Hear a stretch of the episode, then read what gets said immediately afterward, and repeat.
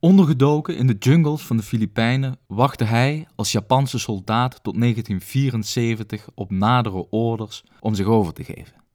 29 jaar lang hield hij zich aan de opdracht van zijn generaal. Geef je niet over, want wij komen je halen. Vandaag het wel heel bijzondere verhaal van Hiro Onoda.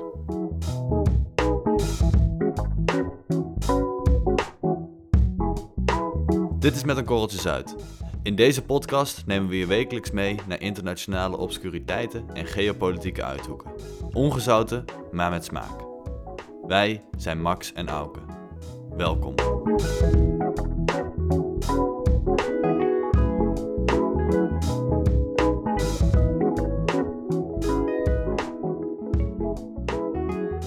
Max, vandaag hebben we een redelijk bijzonder verhaal. Een kleine, ja, toch wel een obscure voetnoot in de, in de wereldgeschiedenis, zou je het kunnen noemen. Ja. Het, is geen, het is geen hoofdstuk, het is niet eens een, een paragraaf, maar een voetnootje. Op pagina 28, rechts onderin, van het boek De Wereldgeschiedenis. Ehm, nee, we hebben het verhaal van eh, een Japanner. En dat is natuurlijk voor jou eh, hè, thuiswedstrijd als Japan-kenner. Ja. Ik heb het over, en dan moet jij me maar corrigeren als ik het niet goed, eh, niet goed uitspreek. Hiro Onoda. Ja, dat komt aardig in de buurt. Nou, Hiro Onoda. Nee, Ehm, Hiro. De- Hiro. Ja. Hiro is een, eh, of was een, eh, een Japanse soldaat eh, ten tijde van de Tweede Wereldoorlog. Niet de beste tijd om een Japanse soldaat te zijn, want zoals we allemaal weten hebben de Japanners het ja, verloren. kwam er een beetje bekaaid vanaf. Ja, ja, zo kun je dat stellen. Ehm, ja, wat was het nou het bijzondere van Hiro? Hij werd op, eh, op 18-jarige leeftijd werd hij uitgezonden naar een, eh, een afgelegen Filipijns eiland. Waar hij eh, ja, het eiland moest bewaken. Hij had dus mannen onder zich en ja, het doel was de oorlog winnen. Zoals dat wel vaker in oorlogen is. Mhm. Ja, dat ging niet heel goed. En uiteindelijk ja, werden ze toch redelijk vaak aangevallen door de geallieerden. En eh, had Hiro bedacht, ja, als strategie is, we gaan onszelf op dit eiland, als Japanners, gaan we onszelf opsplitsen in kleine groepjes van vier man. En we gaan ons eh, verstoppen. We gaan, eh, ja, gewoon Guerrilla letterlijk de jungle in. Wat zei je? Ik zeg guerrilla tactics. Juist.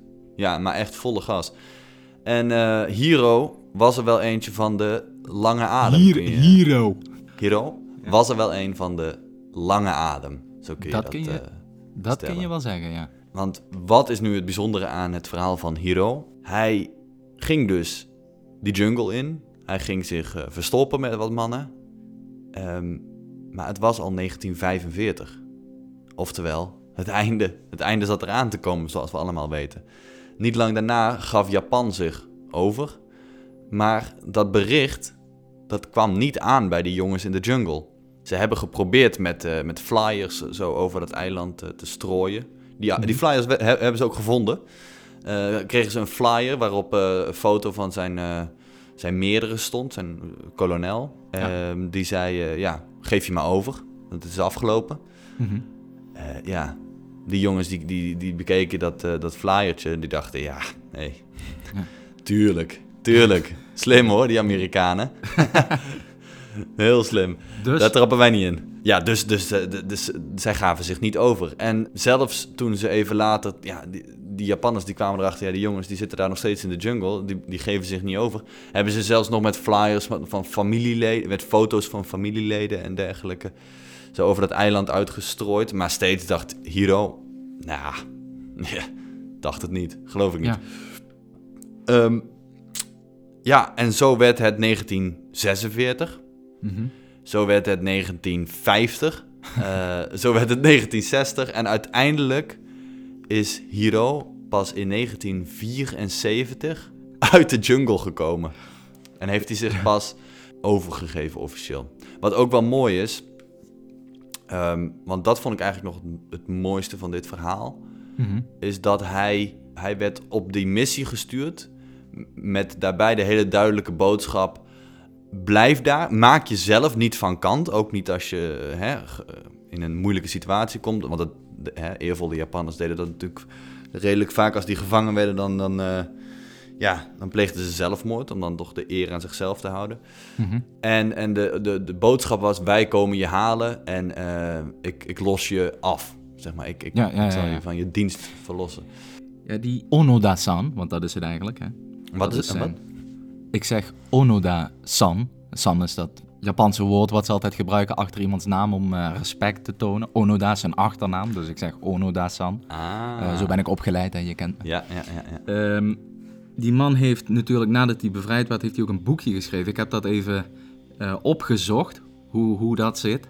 Hm. Eh, of in ieder geval de Engelse vertaling. Ik heb het niet helemaal gelezen hoor, maar over dat bevel schrijft hij het volgende. Hij staat dus tegenover zijn meerdere en dan wordt het volgende tegen hem gezegd. Then, with his eyes directly on me, he said, You're absolutely forbidden to die by your own hand. It may take three years, it may take five years, but whatever happens will come back for you. Until then, so long as you have one soldier, you are to continue to lead him. You may have to live on coconuts. If that's the case, live on coconuts. Under no circumstances are you to give up your life voluntarily. When he finished, I responded as briskly as I could, Yes, sir. ja, mooi.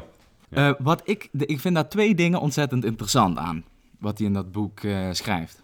Aan dat bevel van die man. Namelijk, één, blijkbaar is het nodig dat ze hem vertellen dat hij zichzelf niet moet afmaken. Eh, dat weten we natuurlijk, eh, dat kennen we van die, van die kamikaze-piloten. Daar zullen we zo meteen nog wel op terugkomen. Ja. Dat, dat, dat vind ik heel erg boeiend. En twee, dat hij dat bevel gewoon 30 jaar lang opvolgt. Dat hij niet bij zichzelf begint te denken van, hmm, hè, vrouw en kinderen thuis, of ik weet niet, eh, weet ik veel, eh, moeder en vader thuis. Ik, ik, ik, zou wel eens, ik zou wel eens een keer willen weten hoe het, nou, hoe het nou zit in de buitenwereld. Ik zit hier op een rots ergens in Lubang, Filipijnen. Ja, eh, eh, ja, ik vind dat, dat is bijzonder. Ehm, en het, het mooie van het verhaal is, is dat de cirkel uiteindelijk ook toch zich rond afsluit. Want hij werd dus in 1974 een beetje bij toeval door een, door een Japanse student ontdekt, gevonden. Nou, die student was wel op zoek naar hem en die vond hem op dat eiland. Eh, Uiteraard, Hiro geloofde hem natuurlijk ook niet. Die zei, ja, wat kom jij me nou vertellen? Eh, en hij zei, ik wacht gewoon nog steeds op orders van mijn meerdere. Eh, Tot die tijd, als ik geen bevel krijg om me over te geven, geef ik me niet over. Klaar. Ja, die student die had door dat deze man eh, vrij serieus was. En die is teruggegaan naar Japan en heeft dit verhaal verspreid. En inmiddels was Hiro ook wel een, toch wel een soort, ja, toch een soort mythische status gekregen in Japan. Eh, dat was wel een, een BJ'er geworden. Ja, hij had, een soort, hij had ook zo'n soort eh, de gruwelijke snowman-status gekregen. Zo iemand die dan ronddwaalt in zo'n Ja. bos en dan af en toe een keer een, een, een van een Filipijn en dan weer terugtrekt. Ja, inderdaad. Hij was een, eh, redelijk legendarisch eh, Japanner geworden. Ehm, maar die, die- goed, die student die is dus terug in Japan. Die vertelt dat verhaal. En het leger krijgt het ook te horen. En die speuren uiteindelijk zijn, ja, zijn oude generaal op. Die man was inmiddels al, eh, al lang met pensioen. Die was een boeken, boekenhandelaar geworden ergens in Japan. Eh, generaal eh, Yamashita was dat. Die hem dus, wat je, dat stukje wat je net voorlas, die, die orders had gegeven. Dus uiteindelijk hebben ze die generaal dit verhaal verteld. Die dacht, ja, ze hebben hem overgehaald om naar dat Filipijnse eiland te gaan. Mhm. En hem uiteindelijk echt die order te geven. ja, geef je maar over. Ja. En, dat, en, toen, en toen heeft hij dus pas eh, zichzelf overgegeven. Ik denk dat dit een schoolvoorbeeld is van iemand die een hele tijd lang niet voor zichzelf heeft nagedacht. Kan dat? Of eh, Eh. maak, ik nu, maak ik nu weer een bold statement? Nee, dat, ik denk dat je daar gelijk in hebt. Maar, ehm, en da, daar zul jij ongetwijfeld wat meer van afweten. Kijk, voor ons als millennials uit Nederland is dit natuurlijk een, een waanzinnig verhaal. Dit zou, dit, ja, dit zou ons never nooit overkomen. Zeg maar, Nee. iedere, ja, sowieso als Nederlander, als individualistische Nederlander, dan denk je Mhm. na, na drie weken al van, nou, ik heb geen eh, WhatsAppje gekregen van mijn baas. Eh, ik pak mijn spullen en ik ben weg hier. Mhm, mhm. Ehm, maar dit zijn, het was natuurlijk A, een hele andere tijd. En B, Ja. ja. de Japanse cultuur, die speelt hier denk ik ook wel een eh, belangrijke factor in. Ja, moet ik wel zeggen dat dit een heel extreem voorbeeld is van loyaliteit hoor. Ja, Maar nee, inderdaad, ja, Japanners, dat zijn natuurlijk, eh, zeker als het op dit soort zaken aankomt, eh, loyale, eh, een loyaal volk. maar loyaler dan Nederlanders, denk ik ook, of niet? Ja, dat denk ik wel. Ehm, en zo'n voorbeeld wat ik net aanhaalde, bijvoorbeeld met zo'n kamikaze-piloot, die, ja, ik vraag me af of je een Nederlander kunt overtuigen om in een vliegtuig te stappen en zichzelf ja, in een haven 4000 kilometer verderop eh, laten neerstorten. Ik denk dat je daar eh, maar heel weinig mensen voor kunt strikken voor zoiets. En in Japan is dat dan blijkbaar toch, eh, toch relatief makkelijk. Maar dat heeft ook ermee te maken dat zij een andere visie hebben op zelfmoord. Hè? En dan zeker zelfmoord in een gevechtssituatie. Dat wordt toch een beetje als held, heldhaftig gezien. Ja, ja, ja. En, het, en dat heeft te maken met de eer, denk ik ook, toch? Die je moet be- bewaren. Ja, dat, eh, dat denk ik wel. Natuurlijk eh, een heel groot verantwoordelijkheidsgevoel. Nationalistisch verantwoordelijkheidsgevoel. Ik bedoel, we hebben het altijd wel over nazi-Duitsland. Maar die Japanners die konden, die konden er natuurlijk, en zeker tijdens de Tweede Wereldoorlog, ook nog wel wat van. Eh, hè, dus dan heb ik het over indoctrinatie en het indoctrineren van allerlei nationalistische gedachtegoeden. Ehm, dat, dat helpt natuurlijk wel als jij mensen moet recruteren voor dit soort acties. Dus ook voor een actie zoals bijvoorbeeld die Hiro Onoda. Dat hij ja, met een paar kameraden een guerrilla-oorlog moet gaan uitvoeren op een of ander verlaten eiland in Lubang. Of ja, niet verlaten, maar goed, eh, een, een, een re- remote island, laat ik het zo Ja, zeggen. En zoiets als zelfmoord en eer, ja, dat zijn dingen die toch nauw aan elkaar verwant zijn eh, in een land als Japan. Want je weet misschien, je kent misschien het concept harakiri of seppuku. N- Nee, leg uit, leg uit.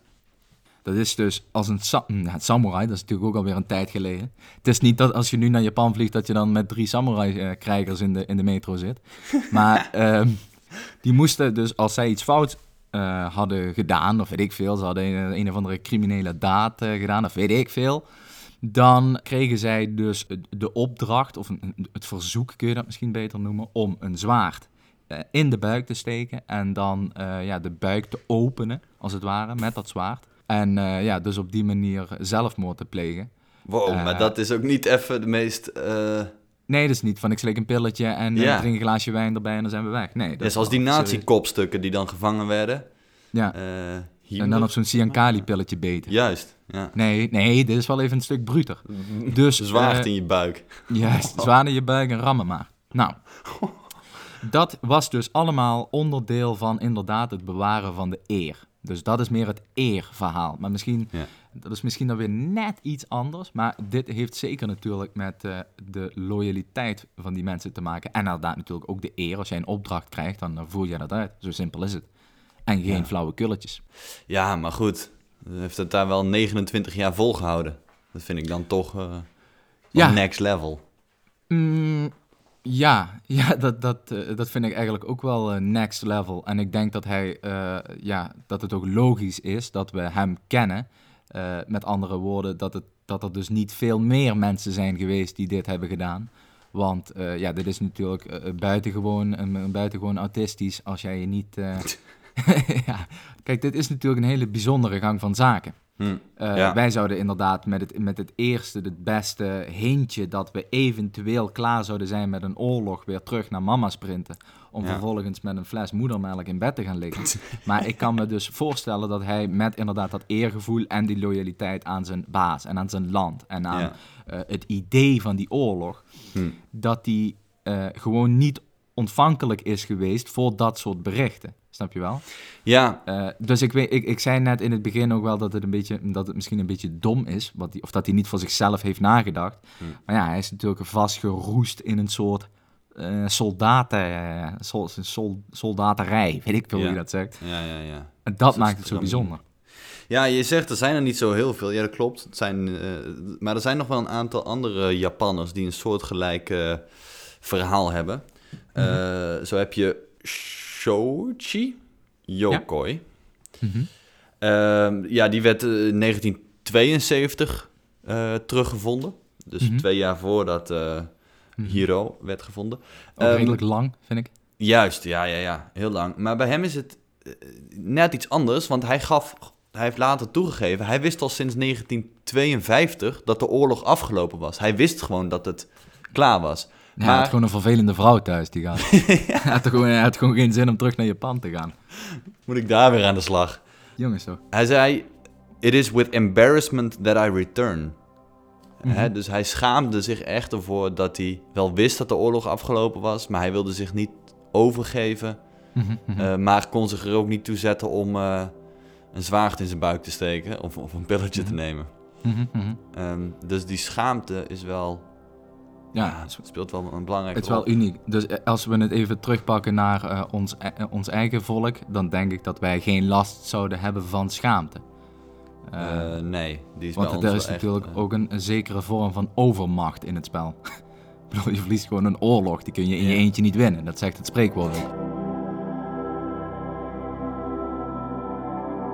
Wat ik dus ook bijzonder vind, is dat die Hiro, dat hij dus in de veronderstelling dus dat het nog oorlog was, wel nog eh, een, hele, een hele bussel van die Filipijnen heeft afgemaakt daar. Ja, Om aan eten te komen, om, eh, weet ik veel, misschien dat hij zichzelf heeft moeten beschermen omdat iemand hem toch een keer met pek en veren daar uit dat bos wilde jagen.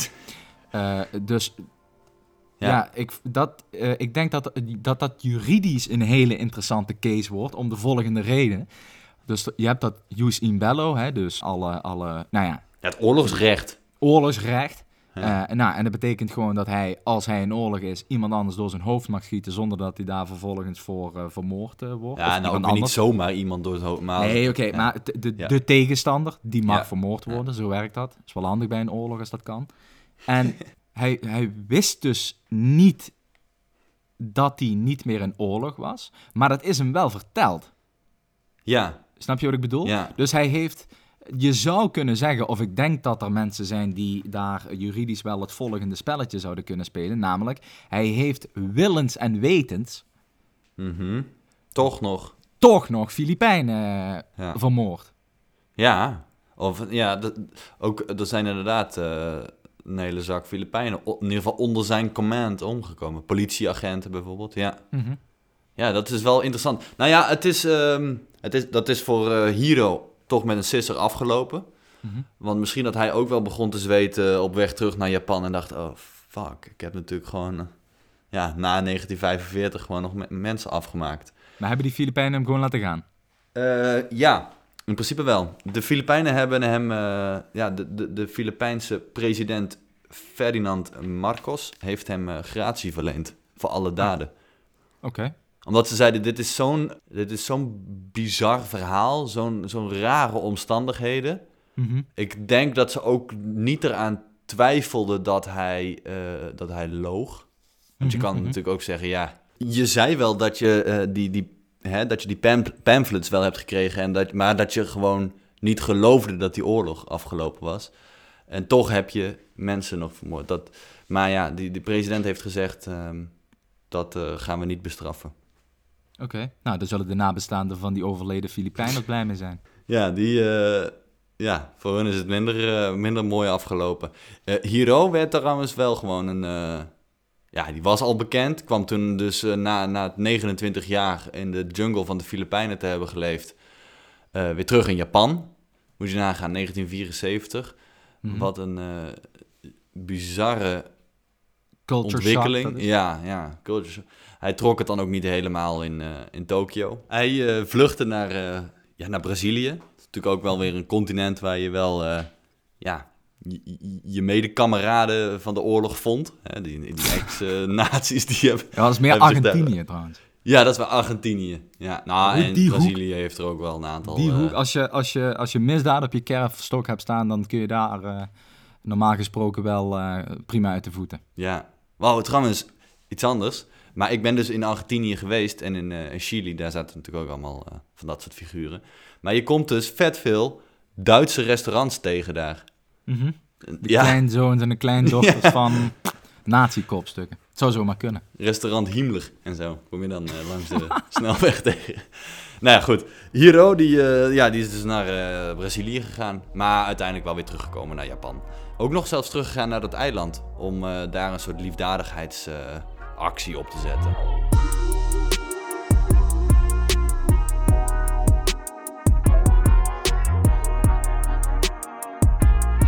Oké, Oké. Ik denk dat ik trouwens in mijn tijd in Japan wel een paar van dit soort heroes ben tegengekomen. Dus niet dat ik allerlei mensen ben tegengekomen die heel lang in de jungle hebben gezeten. Hm. Maar wel mensen met dezelfde mindset. Dus ik krijg een opdracht en die gaan we uitvoeren. En dan moet ik, al moet ik op mijn kop gaan staan, dan, dan, voer ik Ja. de- dan voer ik die opdracht uit. Ik moet namelijk de hele tijd denken aan een jongen die bij ons trainde. En bij training heb ik het dan over judo. Ik ben daar eh, een aantal keer op trainingskamp geweest. En die was eh, bezig. En eh, die kreeg de opdracht niet stoppen, niet stoppen, doorgaan, doorgaan, doorgaan. Maar het was dus winter, ijskoud. En tijdens de winter dan heb je, eh, dat is wel aan het afdwalen nu, maar dat maakt verder niet uit. De winter heb je wel eens dat je lip een beetje kapot gaat, toch? Dat hebben we allemaal Ja, eens. ja, gewoon van die koude, koude lippen. Zo'n scheur, scheurtje in je lip. Maar goed, bij contactsport, ik noem maar judo, boksen, de hele mikmak, dan scheurt dat open natuurlijk. Dat is onvermijdelijk. De enige manier om dat tegen te gaan is rust. Maar hij is dus, en die trainde daar iedere dag, dus hij kwam iedere dag weer met die lip weer zo half aan elkaar gegroeid, half open. En het werd steeds erger, steeds, dat, dat begon te ontsteken, weet ik wel. Ik dacht ook, gaat het normaal. Maar iedere dag weer kreeg hij gewoon de opdracht van zijn coach. Jij gaat je pak aandoen, je doet een warming-up en we gaan hier gewoon 2,5 uur, 3,5 uur keihard beuken. En wat dan met jou, je hebt je lip helemaal niet nodig tijdens het, eh, tijdens het judo, hè. Want het, het is geen mond-op-mond beademing. Dus let's go met die. En dat begon, na een tijdje begon dat te bloeden en te doen. Het zat er helemaal over. Judo is dus witte pakken. Nou, het zat dus helemaal op een wit pak. Totdat op een gegeven moment eh, de, de, de dokter van de school, die, ehm, ja, die kwam toch maar een keer kijken hoe en wat. En toen Ja. heeft hij geloof ik twee dagen rust gekregen en, en, en een hele zak met be- betadine. Maar dat soort dingen, hè, dus dat je niet... Wij, zeggen, wij zouden al lang tegen onze coach zeggen van... Coach, eh, hey coach, eh, met alle respect hoor, maar eh, mijn lip is kapot en ik heb er geen zin meer in. Ik heb even rust nodig, weet je. Maar dat doen zij gewoon niet. En dat heeft een aantal redenen. De belangrijkste reden is dat dat niet kan. Snap je? Want Ho- hoezo niet? nou, ten eerste krijg je ze dan zwaar over je flikker. En ten tweede kun je, zeker in de sportwereld of in de, eh, in de, in de laten we zeggen, in de bedrijfswereld, hè, die dus in Japan ook geweldig Mhm. groot is, kun je niet achterblijven, omdat er gewoon heel veel mensen zijn die jouw plek maar al te graag zouden overnemen. Dus als jij tegen je trainer gaat zeggen, jongen, ik heb even twee dagen rust nodig, dan zegt hij, eh, is goed, pak jij twee dagen rust, maar dan hoef je ook niet meer terug te komen. Of in ieder geval, daar zijn ze bang voor. Mm, nou, dat zal misschien niet zo. Ja, daar zijn ze bang voor. Ja, precies, Ja. dat is het, zeg maar. Misschien Ja. dat het niet eens zo gebeurt hoor. En ik denk dat die cultuur wel aan het verdwijnen is. Maar toch zit dat er nog ingebakken in de, in de genen. Dat je gewoon luistert naar je overste. En dat daar eh, aan, aan, aan, aan het oordeel van je sensei, in het geval van judo dan, je leraar, Mhm. daar moet je niet aan twijfelen. En dat zal deze Hiro Onoda ook gedacht hebben, eh, die 30 jaar dat hij daar in de Filipijnen zat. Namelijk, ik heb, dat, ik heb dat, dat, die opdracht en dat gaat gewoon gebeuren. En al valt er een bom, dan nog geef ik me niet over. Ja, ja, ja, ja.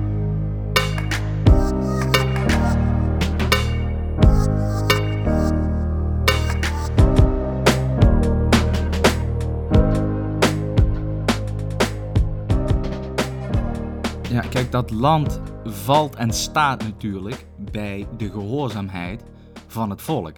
Want die houden zich allemaal mega goed aan de regels. Er zijn ook heel veel regels.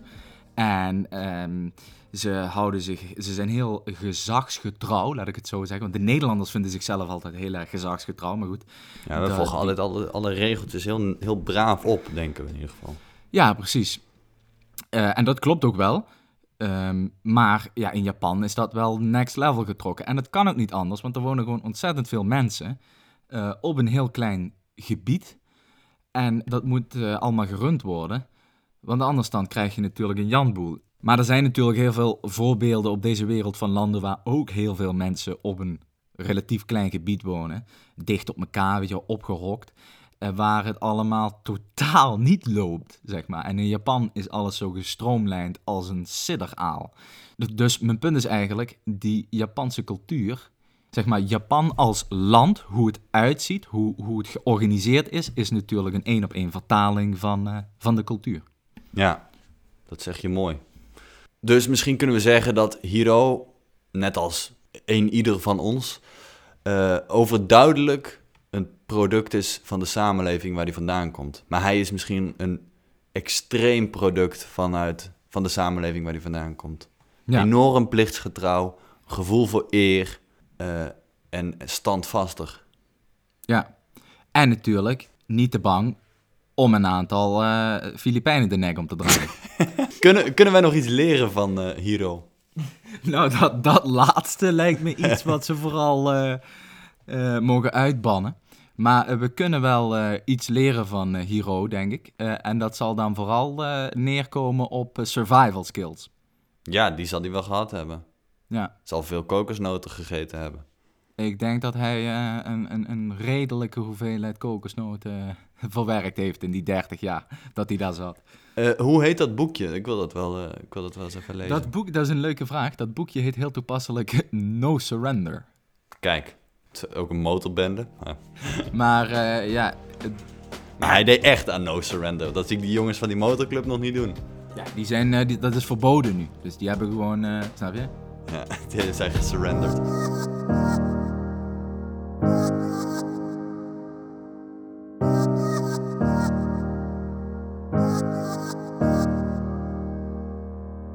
Volgende week bespreken we weer een ander onderwerp. Trekken we weer iets bijzonders uit de kast. Een bijzonder geopolitiek verhaal. Dit was het voor deze week. Vind je deze podcast leuk? Uh, vergeet dan niet om je te abonneren. Dat kan in Spotify, dat kan in de iTunes-app, waar dan ook. Kijk ook even op onze Instagram-pagina, Korreltje Zuid. En voor de echte diehards die ons een nog warmer hart onder onze toch steeds strakker aangetrokken riemen willen steken. Zo, dat is een hele volzin. Die kunnen gaan naar www.petje.af slash korreltjezuid. En die kunnen daar ja, een, donatie achterlaten. Dus, dat zou, uh, dat zou top zijn. Dames en heren, jongens en meisjes, tot de volgende week. Thank you.